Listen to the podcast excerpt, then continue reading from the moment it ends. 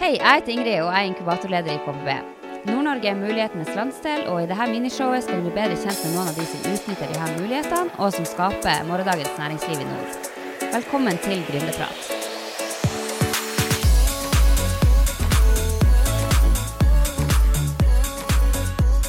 Hjertelig velkommen til podkasten KBB og co. Fokuset nå er gründere, eh, og i denne episoden av Gründerprat så har jeg med meg han Oliver fra Entrepedia. Eh, vi har eh, hatt en workshop med de i går, eh, han Oliver og hans kollega Lauga. Eh, de snakka med inkubatorbedriftene våre om investorprosessen og hva de bør tenke på når de skal hente inn kapital, som var utrolig interessant. Eh, og så skal de videre til Nord universitet i dag og jobbe med studentgründere. Hei, Oliver. God morgen, god morgen. Og hvem er egentlig du? Hvem er jeg? Uh, uh, hvor skal man starte? Man kan si om det er 42 år gammel gutt fra Fredrikstad. En inngangsporten. Uh, jeg liker bedre å si at jeg er blitt en 42 år gammel cal som uh, har funnet uh, en litt annerledes mening med livet enn det jeg trodde jeg skulle gjøre når jeg var, uh, gikk ut som student. Jeg, gikk, eh, jeg var, gikk på kybernetikk i Trondheim.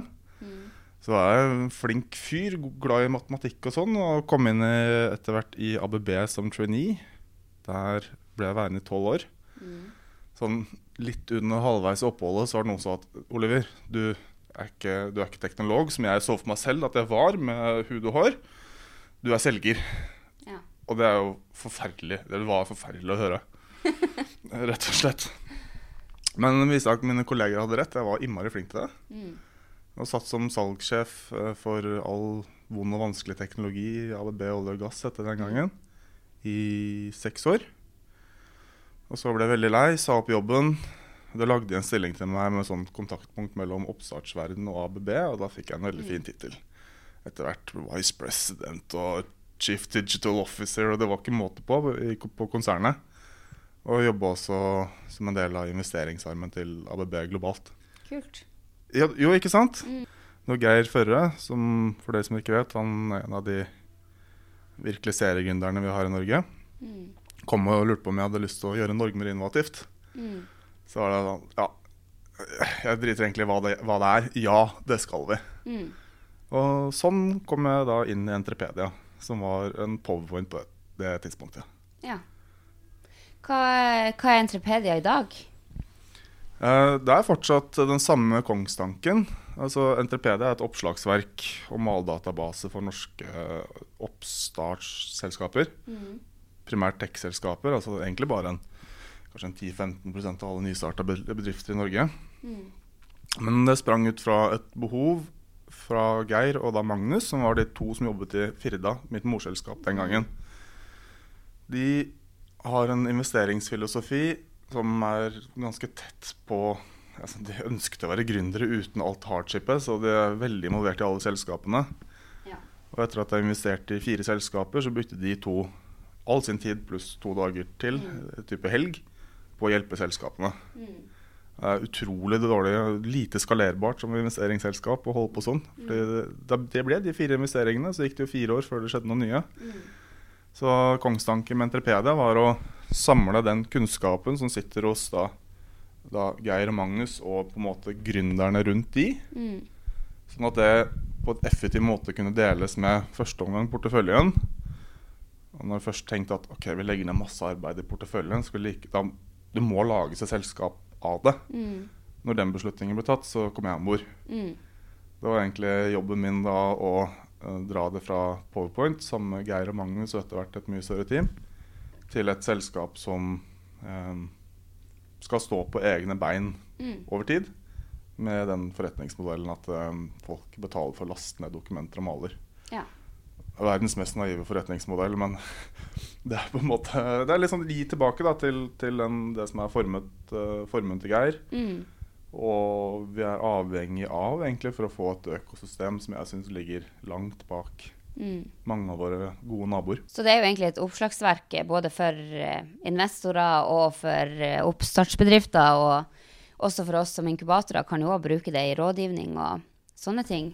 Ja, så det er der vi har på en måte hatt virkelig suksess. At eh, nå har vi 28 inkubatorselskaper fra Tromsø i nord til Kristiansand i syd, og Mm. egentlig alle de store norske byene. Mm. Mange av de i Siva-systemet, og så er det mange andre mindre private Mm. altså venturebygger og sånn som bruker oss Ja. bare fordi det, de gjør arbeidsdagen effektivt, sånn som Mm. det er tenkt for Firda. Og så er det gründerne har blitt veldig glad i det. da. I Mm. hvert fall seriegründerne Ja. elsker det. Ja. Det store problemet er at uh, førstegangsgründere ikke forstår verdien før de bare Shit, Mm. jeg skulle hatt den avtalen her, ja. Mm. Hvor begynner jeg da? Så begynner man gjerne på kanskje, kanskje spørre inkubatoren sin hvis man er litt om seg. Mm. De fleste går kanskje rett på Google og skal fikse det selv og tenker at det er lett. Og så finner man et stort utvalg av det aller meste, men Ja. ikke noe som er kvalitetssikra og man vet er brukt mange ganger. Mm. Så på en måte det vi representerer, da. Alt som ligger der, er kvalitetssikra. Det har vært brukt mange ganger. Ja. Eh, så aksjonæravtalen vår har vært lasta ned nå 700 ganger eller sånt nå, Mm. i løpet av de siste par årene. Ja. Jeg har gjort sånne småting. Endret et komma her og der. Ja, ja. Så vi sikrer både å bruk gjennom kvalitet, eller kvalitet gjennom bruk. Mm, så bra. Så det er jo egentlig Entrepedia er jo et gründerselskap. En spin-off egentlig av Firda, eller hva man skal kalle det. Det er et gründerselskap på alle måter likt Mm. alle andre selskaper, bortsett fra at vi trenger ikke å hente kapital. Ja. Så det er jo Alt er nytt. Innmari gøy. ja veldig spennende. Når eh, ble Entrepedia etablert? Eh, som selskap 2017, og så skjedde det egentlig ingenting på to Nei. år. Skjønner. Så 2019, da jeg starta, så var det en trykkbar MVP-plattform, og så Mm. var det en powerpoint. Ja. Så gikk vi live idet covid smalt. Mm. Så vi tenkte at det var en kjempegod timing. Så vet vi egentlig ikke helt om det var det eller ikke. Nei. Uh, så har vi driver og utvikler innhold. Mm. Så vi er kommet eh, 35% av liksom det vi skal lage på Ja. to år. Så vi har en del arbeid igjen. Mm. Veldig bra. Eh, vi har jo snakka mye om økosystem for gründere. Eh, og at i Norge så er det jo fortsatt et forbedringspotensial eh, på det. Men det finnes jo òg mange gode hjelpere. Eh, hvordan føler du at Entrepedia passer inn i, i det økos økosystemet? Um, vi, vi prøver å veie opp for én mangel som, som er veldig tydelig i Norge. Mm. Det er veldig få seriegründere som hjelper selskaper her. Ja. Uh, og det er utrolig mye banaliteter Mm. som folk gjør feil på. Så jeg kan kanskje si at det er den måte, beste sånn økosystemhjelpen Mm. vi kan ha, med at det er generisk kunnskap om det, Eller det er, det er ikke generisk, det er veldig spesifikk kunnskap om det å bygge selskaper som et teknologiselskap. Mm. Men det hjelper jo ikke til å operasjonalisere den, den kunnskapen. Mm. Det må gründerne gjøre selv. Men de kan ha verktøyene, da? De kan ha verktøyene, Mm. eller gå til dere. Ja. Uh, skal, skal de f.eks. gjøre markedsanalyse? Ok, de kan laste ned et, et, en prioriteringsmatrise fra meg, Mm. men de må fortsatt sette seg ned og liksom Dette er mitt marked. Ja. De må ha sparringspartnere for å Mm. eh, For å gjøre et godt stykke arbeid. Mm. Det samme gjelder vurdering av ansatte, vurdering av aksjonæravtalen. Ja. Alle disse vurderingene som må gjøres. Uh, de, om, om de ikke har det på teamet, så spør, spør Ingrid, da. Mm. Ser dette her fornuftig ut? Mm. Så har jo du sett et par opp gjennom tiden og Ja. har en erfaring i seg selv Mm. bare der. Mm. Og det, ja. For det var kanskje litt sånn langt svar på hva Entrepedias bidrag til Mm. økosystemet. Um, utover det så er det mer sånn ustrukturert at vi, vi har alle disse 30 inkubatorene rundt omkring i landet. Ja. Vi har ganske mange investorer rundt omkring, og vi har mange støttespillere i seriegründere som vi hjelper til å koble. Mm. Men det er, det er på en måte ikke en del av konseptet. Det er bare fordi jeg syns det er innmari gøy. Ja, og så er det vel eh, tilgangen til de dokumentene og malene også en, eh, et verktøy for, for alle som skal starte opp, som kanskje kan gjøre det litt enklere. Det med en aksjonæravtale for noen som ikke har starta et selskap før, kan jo virke veldig overveldende og veldig litt skummelt også, selv om det egentlig skal bare beskytte aksjonærene og selskapet. Um, Ja. Du kan si det ytterste konsekvens er det meste av det vi gjør, er ikke verdiskapende i det hele tatt. Mm, Det er bare innmari verdiødeleggende hvis det ikke er skikkelig på plass. ja. Det er kanskje det som er litt sånn uvant for folk, da, at vi, Mm. vi hjelper til å bygge grunnmuren i huset, men vi hjelper ikke nødvendigvis til å bygge på en måte fasaden og fargen Nei, og alt det som man til slutt er veldig stolt av. Mm. Så, og der ser jeg det er kjempestor forskjell på en seriegründer og en førstegangsgründer. Ikke sant? Um, vi har Gjennom morselskapet nå så er det en seriegründer som heter Proto Wold. Mm. Han sto bak et selskap som het Point Carbon, som er solgt til Bloomberg for lenge siden. Mm. Spond, eh, som alle som har barn i Mm. idretten kjenner. Da starta nå et nytt selskap. Mm. Altså Han bruker jo fem sekunder på beslutninger som eierskapsfordeling Ja, ja. på teamet, ansettelsesavtaler, aksjonæravtale. Altså, Mm. det går, han drar jo gjennom det på under en dag. Mm. Så alt det der, der er bestemt. Nei, vi bare gjør sånn. Gjør det enkelt. Så laster jeg ned fra Entrepedia. Mm. Og bruker det, og så så ja, ja, men jeg har jo noen fra mitt andre selskap, så Mm. komplementerer det hverandre. Ja. Og det er jo kanskje den der kunnskapen og erfaringa som eh, vi har snakka mye om her i KPB, også i de diskusjonene vi har hatt, at det er jo eh, de som har starta selskaper før, og som har erfaring, og som har vært, vært gjennom reisen da med å lansere produkter og starte et selskap, det er et kjempepotensial for å få utnytta den kompetansen for gründere eller de som starter opp selskaper i dag. Eh, og nå har dere jo på en måte samla mye av den kunnskapen i et verktøy, men allikevel så tror jeg jo det er behov for mer sparring med erfarne gründere. Ja, helt klart. Mm. Um, I min drømmeverden så hadde jo et selskap som ja, Jeg skal etablere aksjonæravtalen, mm. siden vi har prata om det såpass mye nå. Ja. Eh, Eller captable. Mm. Aksjonærregister, egentlig. Oversikt. De gjør det selv, eller de leser seg opp. Og så har de sikkert en del spørsmål, og så går de til dere. Mm. Så spør de OK, eh, denne her vet vi er god, den er, men den er jo for et generelt teknologiselskap. Vårt Mm. marked eh, eller industri Mm. eh, har disse særegenhetene. Kan du, kjære Ingrid, diskutere med meg og se om Mm. dette fortsatt passer? Altså, bare den dagen jeg kommer til at jeg får sånn mindless acceptance på at kvaliteten er god, Mm. men at uh, folk fortsatt er tilstrekkelig kritiske Mm. til at de tilpasser, diskuterer med andre. Ja, ja. Ja. Og der er man avhengig av folk som kan noe, og ikke bare noe, men de, altså de, de har jo god kunnskap til eh, hvordan en selskapsreise ser ut, og hvilke hurdles som Mm. Kan ligge foran. ja. Hvis du skulle ønske deg noe tillegg til økosystemet for gründere i dag, hva det skulle ha vært? Det er litt inspirasjon da, fra egentlig Sverige. Jeg jobba mye med svenske økosystemet over en periode på halvannet år.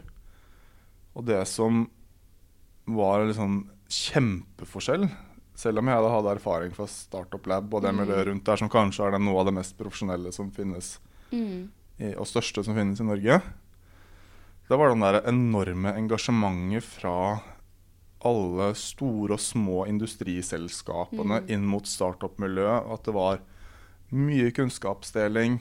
Eh, det var eh, kunnskapsrike investorer Mm. eh, som både hjalp hverandre og, og selskapene. Mm. Altså, det, er jo, det er jo frø av det i Norge. Ja. Men det er ikke så mye. Det er også veldig få seriegründere som gjør det. Og de som er seriegründere og ikke blitt investorer ennå, de har jo mer enn nok Altså de bruker jo tiden på egne selskaper. Ja. Så det vil jeg gjerne ha mer av. Mer av at liksom erfarne bedriftseiere kommer inn. Mer av at seriegründere engasjerer seg, som gårsdagens podkast-gjest Mm. kommer Mm. til å gjøre. Det er jo superspennende. Um, og hvis man får til de to, så kanskje vi også løser flere, flere andre problemer, som at de med penger som kan eh, eiendom, kan bruke pengene sine på en fornuftig måte Mm. mot norske oppstartsselskaper som ikke er ødeleggende. Ja. For det er eh, Man kan ha sine beste intensjoner som investor, men hvis de ikke er på en måte fornuftig sammenskrudd i topplokket, så Mm. kan det være ødeleggende.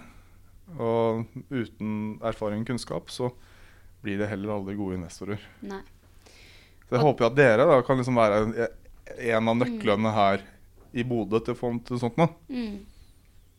Og det er jo noe vi eh, ønsker oss mye mer av. Det er jo eh, investorer, eller eh, folk med penger og bedrifter som har kapital, eh, at de skal se muligheten for å investere i oppstartsselskaper, fordi at vi trenger flere ny, vellykka, nyetablerte vekstbedrifter. Det Mm. trenger vi jo fremover. Eh, men jeg tror jo òg det med å um, spørre altså Hvis det er noen du vet har lyktes innenfor ditt felt, eller som har gjort kanskje noe av det du som gründer eh, lurer på, eh, hvordan de har gjort, eh, så er det vel egentlig bare å spørre Ja, og ta kontakt. Ikke være redd for det. ja. Det er bare å spørre. Så har jeg jo en eh, Beklager litt sånn sidespor. Jeg har sånn, Annenhver uke så har jeg ukens fredagskaffe med en kjent gründer. Ja, kult. Kjempeartig, for det er, jo, det er jo folk jeg ser opp til. Sant? Så jeg får møtt masse idoler og, Ja. og likesinna folk. Eh, fantastiske mennesker. Han ene der, eh, Daro, han har et selskap nå som heter Dintero. Innmari sånn lugn, fin type. Så jeg ringte. 'Hei, Daro. Oliver som ringer. Jeg kjenner deg fra tidligere.' Du, kan du være med på fredagskaffen min? Eh, ah, OK, siden jeg er entreprenør, siden det er deg, så skal jeg stille. Jeg gir aldri råd. Mm. Og så tenkte jeg hva kommer han til å si nå? Det første han sier, er ikke ta imot råd. Det var hans råd. Ja. Det vil si, ikke ta imot råd og ta det bokstavelig. Ja. Spør alltid flere. Men du som gründer må eie beslutningen Mm. på hvordan du implementerer det. Ja.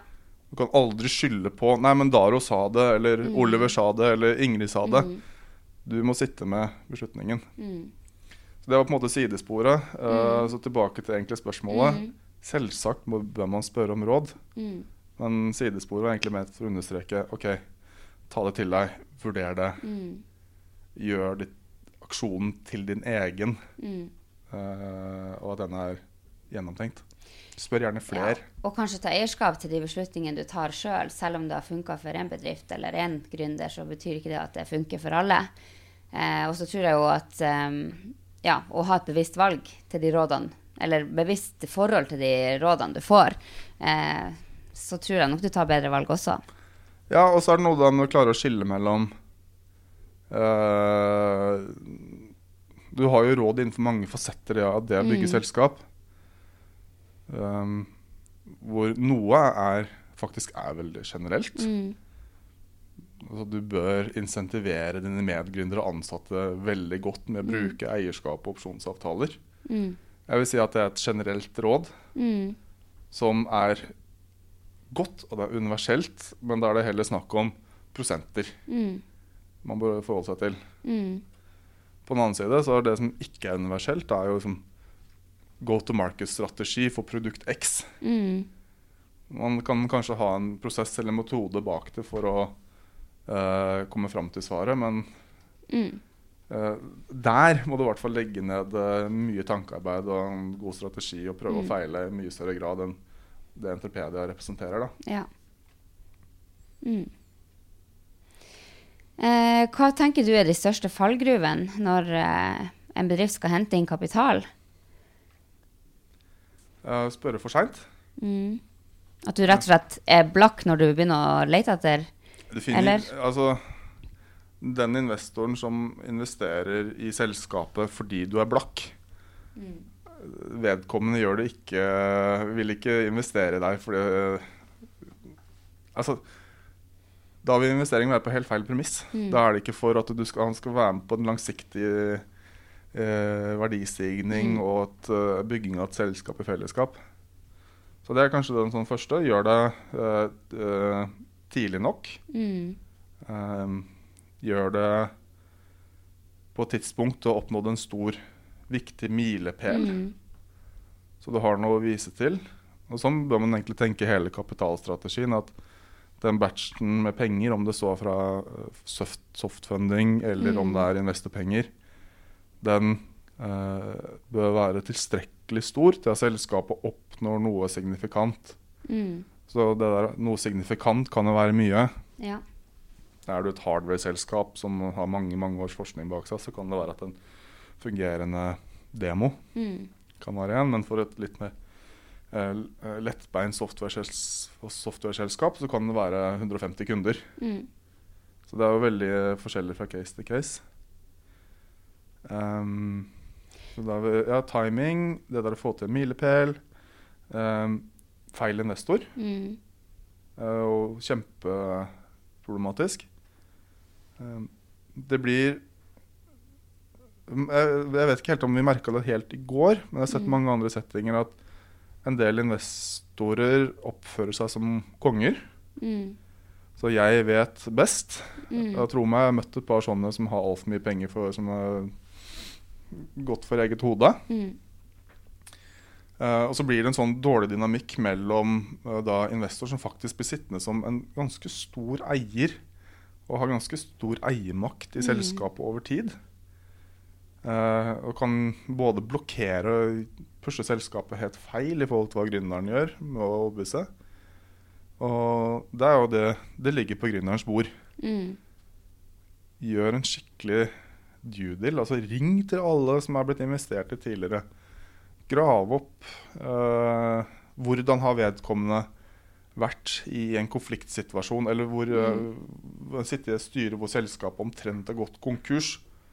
Hva har vedkommende gjort? Har hun vært den som har jobba for selskapet dag ut, dag inn for å sånn, hjelpe til å strukturere, rydde opp og sånn? Det høres ut som en kjempebra investor. Hvis det er en som har bare blitt borte Mm. og begynt å ghoste og ikke ta telefon Nei, nei. Nei. Da, ja. Så egentlig burde jo, på samme måte som at investorene, eller de som vurderer å investere i en case, gjør en, eh, en ordentlig bakgrunnssjekk og sjekker alt som kan sjekkes om selskapet, så burde gründerne også gjøre, undersøke nærmere da. Hvem er egentlig denne investoren, og hva står de for, og hva har de gjort tidligere? Ja. Absolutt. Eh, det kom et, et tech-selskap som det vi skriver om og for, det Mm. har gjerne en investor en levetid på minst ti år. Mm.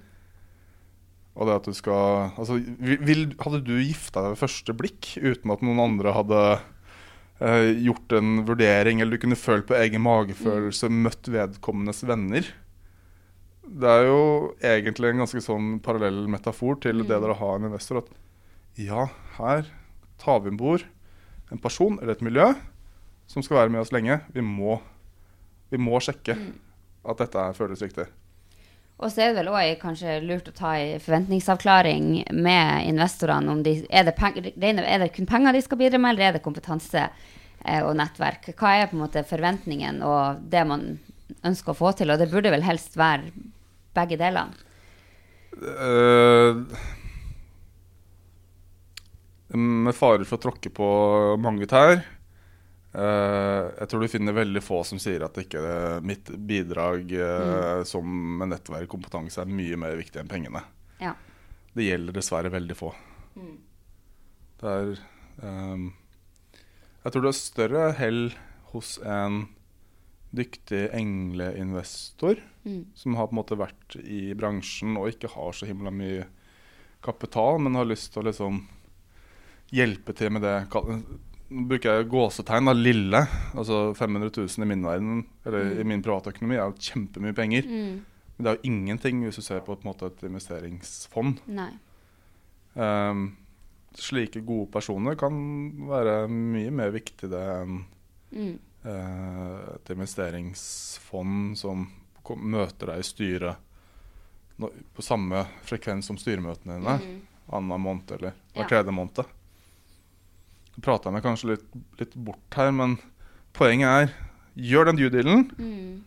Uh, sjekk opp at det de sier er riktig. Spør investoren. Mm. Ok, Du sier at du er aktiv. Kan du komme med noen eksempler? Kan, Ja. vi, kan vi få prate med de selskapene du refererer til, Mm. så vi forstår hva du egentlig mener? Mm. En ting jeg tok med meg fra eh, Eller en av mange ting jeg tok med meg fra presentasjonen dere hadde i går, det var jo det at eh, stort sett så må du ha 30 møter eh, med forskjellige investorer for å få ei investering. Og det er ganske interessant, fordi at jeg tror nok det er mange som kan bli litt motløse eh, når du har møte etter møte etter møte med potensielle investorer, og alle er stort sett positive, men det blir ikke noe. Eh, så det å være liksom, standhaftig og, og stå i det, tror jeg er viktig, og kanskje noe man må være oppmerksom på når gründere skal gå ut og hente kapital. Ja, Hva du tenker om det? Uh, jeg er helt enig. Mm. Jeg tenker at to ting som er viktige for alle gründere. Og det viktigste er på en måte denne gritten og standhaftigheten og troen Mm. på ideen. Og den andre er at du må være voldsomt naiv. da. Ja. jeg skal, kanskje ikke naiv, men i hvert fall veldig optimistisk Mm. skrudd sammen i huet. Mm. Kombinert med den gritten om å bare Nei, ikke nå. Hva gjorde vi gærent? Ja. Vi gjør en iterasjon til, vi prøver igjen. Mm. Um, så jeg er helt enig. Ja. Eh, til de bedriftene som skal hente kapital for første gang, hva, hva de bør tenke på? Eh, når du er førstegangsgründer, så har du heller ikke noe Du har ikke nødvendigvis eh, en erfaring som sier at du kan gjennomføre dette her sånn. Mm. Jeg tenker at hvis du da eh, For det første at du har på en måte et komplementært godt team. Mm. Eh, som beviselig har fått til et eller annet unikt. Mm. Og det kan være på sin eksisterende arbeidsplass, eller sånt noe, sånn at investor får tro på personene som er der. Ja. Uh, og de har Gründerne seg imellom har en fornuftig eierskapsfordeling Mm. som er gjennomtenkt og diskutert. Og det er på en måte eh, Den er skrudd sammen på en måte som bringer selskapet framover. Mm. Når jeg skriver da fornuftig eierskapsfordeling, så er det sånn at okay, kanskje, det, er, det er relativt likt. da. Mm. Det er ikke store forskjeller mellom gründerteamet. Eh, og, og, og det er liksom deler av drivkraften deres. Mm. Uh, det mange også feiler på, er at de forstår ikke at de må bevise en god traction. Mm. Altså det vil si at du har, du har en eller flere betalende kunder. Ja. Eh, og at det er liksom Det ble også diskutert i går. da, altså det, Vi har hatt to år med covid og masse softfunding ute. Mm. Det er veldig behagelig å bruke disse softfunding-midlene Ja. og ikke gå ut til kunder. Mm. Uh, så det der å bare si at Vet du hva? Det produktet mitt er dritverdifullt. Mm. Og se her, jeg beviser det med disse eh, tre, fire, ti kundene. Mm. De bruker det regelmessig. Dette er tilbakemeldingen jeg får. Og by the way, kjære investor, her er kontaktinformasjon til kundene Mm. mine, så kan du sjekke selv. Ja. Så det å ha fornøyde kunder er jo egentlig viktigere enn at du har henta inn masse tilskudd og sånne type ting. Ja, mye viktigere. Ja. Mm. Og mm, hvis man har en investor som har vært gründer selv tidligere, så vet Mm. investoren at det er så viktig at det, det gründerteamet er skikkelig godt insentivert. Mm. Og at de har en stor andel av selskapet og Mm. liksom kan ja, Mm. har en god verktøykasse da, for å insentivere neste personer som kommer om bord. Så dere får inntekter. Det er viktig å ha softfunding òg, for det er ikke utvanna gründere. Det at det er klart, en, gjerne softfunding, men det er Mm. viktigste betalende kunder. Bevis på at det her er et marked. Ja. Men eh, det å tenke liksom på eierskapsfordeling og sånne ting når du skal hente inn eh, investorer også første gang, så er det jo sannsynlig at du må gjøre flere emisjoner, eller flere runder med å hente inn kapital eh, i løpet av kort tid, egentlig. Ja. Eh, hvordan bør man tenke når eh, man skal diskutere med investorer mm, an, altså andel av selskapet de får for investeringer de gjør? Det, er jo, det er jo en ting til du må tenke på. da. Det er hvor mye penger trenger man. Ja. Um, så det er litt sånn tilbake til dette her milepælstankegangen. Mm. Hvor mye kapital, eh, innskutt egenkapital pluss softfunding, trenger Mm. man for å komme til neste liksom, skikkelig milepæl? Mm. Det er jo en, en chunk, Ja. x antall millioner kroner, Mm. og en andel av det må du hente for investor. Mm. Og så kan du begynne å snakke om uh, Så kan du velge, da. Skal jeg begynne å snakke om en verdivurdering av selskapet mitt, eller skal jeg tenke andel av selskapet jeg ønsker å selge ut? Mm. Eller utvanning. Eh, jeg liker best å tenke på den siste måten. Ja. Man, er sånn, det høres så råflott ut at min på- PowerPoint-selskap har vært Mm. eh, 20 millioner kroner, som for så vidt er helt hårreisende. Men Ja. der har vi jo allerede vært. Mm. Du kan argumentere ganske sterkt for, gitt riktig investor, at vet du hva, det er hensiktsmessig at du ikke eier mer enn 25 Mm. Kanskje noe som er ned mot 20 fordi kjære investor, vi skal hente kapital i så mange runder Ja. Tenke langsiktig. Ja, at Ja. vi, vi må tenke en runde nå, vi må tenke en se senere. òg. Mm. Kanskje tre, fire, fem, seks. Mm. Nå er dette veldig stor forskjell fra selskap til selskap. da. Mm. Egentlig vil du ikke hente kapital i det hele tatt. Det er jo grunn ideelle situasjon å ha en kjempevekst osv. Men um, få med investor på at det er en fornuft, det er en reasoning bak det at uh, du ikke får mer enn så mye av selskapet, fordi det er viktig for oss gründere Mm. og våre ansatte at de beholder på en måte sine insentiver. Ja. Vi ønsker at de skal stå i dette her i 15 år sammen med oss, eller 10. Mm. Du snakka jo litt om det Eller det, det er jo kjent at investorer investerer jo ja i gode ideer. Eh, men det å investere i folkene og teamet er jo òg viktig. Det er det Eh, viktigste. og det er egentlig det viktigste. Hva, eh, hvordan får man tak i med, altså co-foundere eller ansatte i en tidlig fase? Det er dag, nå skulle vi hatt med en premie for vanskelige spørsmål, Ja. for det der er sånn um, uh, Det er en, en gründer jeg ser veldig opp til, som heter Maria Amelie. Mm. Uh, du kan lese om henne på nett. Hun er ikke så synlig. Mm. Men det hun alltid har vært bevisst på, lenge før hun ble gründer igjen, Mm. at hun har gått og på en måte samla på gode personer. Mm. Så det er jo litt vanskelig å plutselig stå der i dag og si at det jeg skulle gjort som Maria. Mm. Men hun har vært kjempeflink hele veien til å samle opp gode personer. Lage seg en liste om han eller hun som kan det og det. Ja. Har jeg lyst til å ha med meg i min fremtidige startup, som jeg by the way ikke aner hva er. Mm. Så det er jo øh, Det er en veldig fin måte å tenke på. Mm. Men det hjelper jo ikke når du står der med møkk til knærne og Skulle skulle, det, ja. skulle gjort det før. Ja. Um, den, så da er spørsmålet hva er den beste måten å rekruttere på. Mm. Uh, da har man ganske mange muligheter, men ikke, ikke jobbannonse. Det tror du ikke er Eh. Jeg tror ikke det. Eh, mye større tro på å ta et selskap man vet er ganske bra, som har vært veldig flinke Mm. til å rekruttere gode mennesker. Uh, se for seg ok, hvem var ansatt nummer fem, Mm. ti inne i selskapet, som ikke var en av gründerne. Har vært der nå i x Mm. antall år, vært med på en kjempevekst, lært veldig mye. Mm. Og har kanskje lyst til å omsette den kunnskap og lærdommen til sitt selskap. Mm. En sånn type medgründer tror jeg mye mer kraftfull enn å plukke Så rett og slett bruk nettverket og lete etter flinke folk. Ja, dessverre. Det er kanskje Mm. det litt sånn kjedelige svaret. For det er ikke noe sånn silver bullet på noen ting her. Um, bruke nettverket, bruke dere. Mm. Gjør dere det i noe særlig grad, forresten? Eh, ikke noe annet enn at vi kan være med sant, på intervjuer og utsiling og screening og sånne ting, men ikke noe, ikke noe rekruttering utover det. Nei. Sånn sett. Nei. Men vi kan jo gjøre koblinger hvis vi vet om noen, eller Ja. kan komme med tips, da. Det gjør vi jo. Det, det vi har observert og sett, er at Uh, en gründer møter noen de setter kjempepris på Mm. veldig fort. Og så tenker man at ja, denne personen her vil jeg bare ha inn i selskapet mitt. Mm. Uten å kjøre en skikkelig rekrutteringsprosess, uten å liksom sjekke om det passer kulturelt, på verdier. Altså gjøre en skikkelig jobb med det. Mm. Katastrofalt Ja. Og ikke gjøre det. Eh, det er det ene. Det andre er det at eh, selv om det er en veldig bra person, så har liksom is i magen da, til den perfekte rollen til den personen Mm. er i selskapet ditt.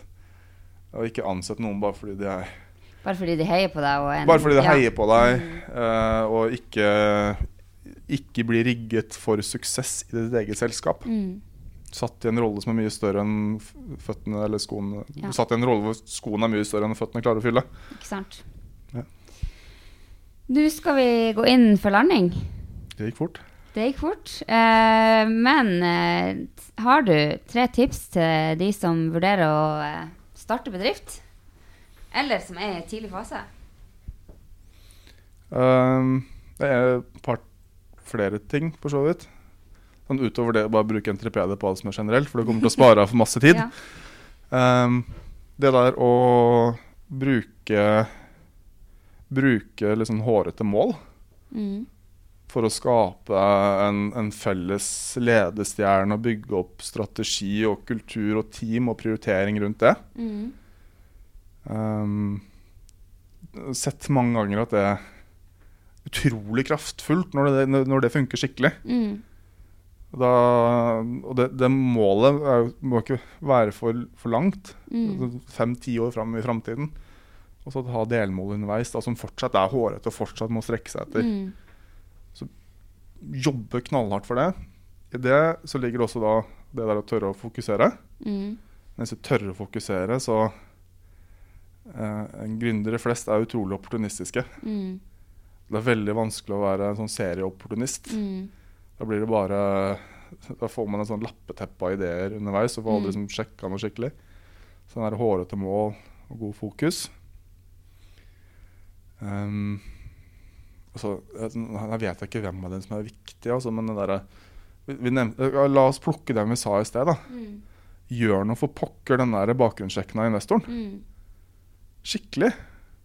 Eh, og ikke tenk på det som bare penger inn, men at vedkommende skal holde det han lover. At Mm. her bidrar jeg med, mer enn- med mye mer enn kapital. Mm. Og så sjekk det, og skaff en, en ordentlig god teamplayer. Ja. Kan jeg ta en ting på, til. Ja, du får lov. Ikke drive, ikke drive og gi bort uh, eierandeler til advisors og tidligfase uh, Mm. styret ditt. Det er captablet ditt og eierandelene er der for å trekke selskapet ditt framover. Mm. Den advisoren å gi bort en prosent i tidlig fase, det er bortkasta. Det Ja. skaper bare støy. og det. Den advisoren kommer til å være der. Det den vedkommende er kanskje nyttig ett eller to år, og så er de borte. Mm. Da er det dumt å ha gitt bort de eierandelene tidlig. Supert. Veldig gode råd. Tusen takk, Oliver, for at du ville være med i podkasten vår. Eh, gleder oss til mer samarbeid med dere. Så hyggelig. Det ser jeg veldig fram til også. Ja. Og kom på besøk igjen. Det må du gjøre. Ja. OK. Ha det. Ha det!